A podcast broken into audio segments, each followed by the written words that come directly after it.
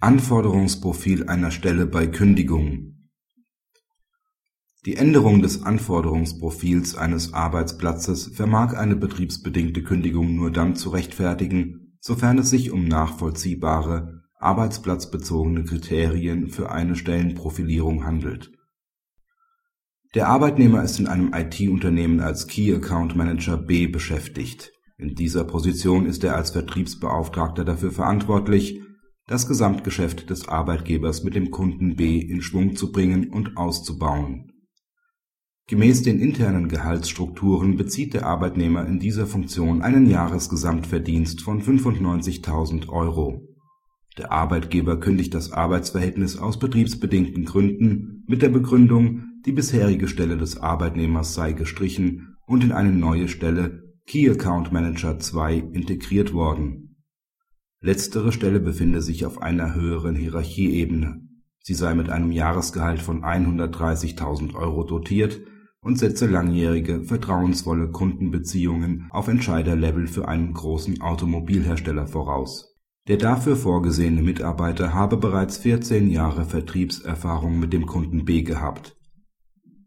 Das BAG hält die Kündigung für sozial ungerechtfertigt nach seiner Auffassung liegen dringende betriebliche Erfordernisse, die einer weiteren Beschäftigung des Arbeitnehmers im Betrieb entgegenstehen, nicht vor.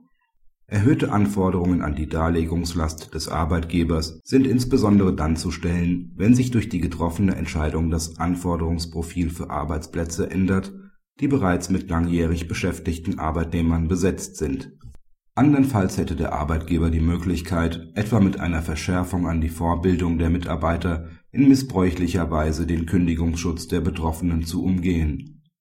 Infolgedessen hat der Arbeitgeber darzulegen, dass es sich bei den zusätzlich geforderten Qualifikationen nicht nur um eine wünschenswerte Voraussetzung, sondern um nachvollziehbare arbeitsplatzbezogene Kriterien handelt Unzulässig ist also die Festlegung rein persönlicher Merkmale ohne hinreichenden Bezug zur Arbeitsaufgabe oder solcher Merkmale, die an das Verhalten oder die Leistung des Arbeitnehmers anknüpfen. Diesen Maßstäben wird die getroffene Entscheidung im vorliegenden Fall nicht gerecht.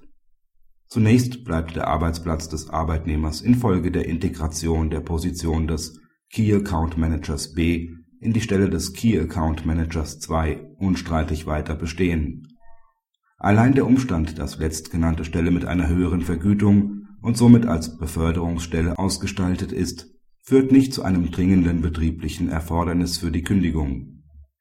Der Arbeitgeber hat auch nicht dargelegt, dass seine Entscheidung mit einem veränderten betrieblichen Beschäftigungsbedarf, etwa infolge einer Änderung des Arbeitsvolumens oder des Inhalts der Arbeitsaufgabe oder einer Neuausrichtung der Geschäftstätigkeit, im Zusammenhang steht und infolgedessen auch die Anforderungen an den Inhaber des Arbeitsplatzes erfasst.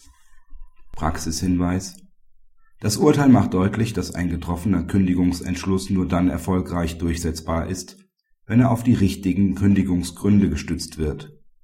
Eine betriebsbedingte Kündigung ist demnach kein taugliches Mittel, um sich erfolgreich von vermeintlich leistungsschwachen Mitarbeitern zu trennen.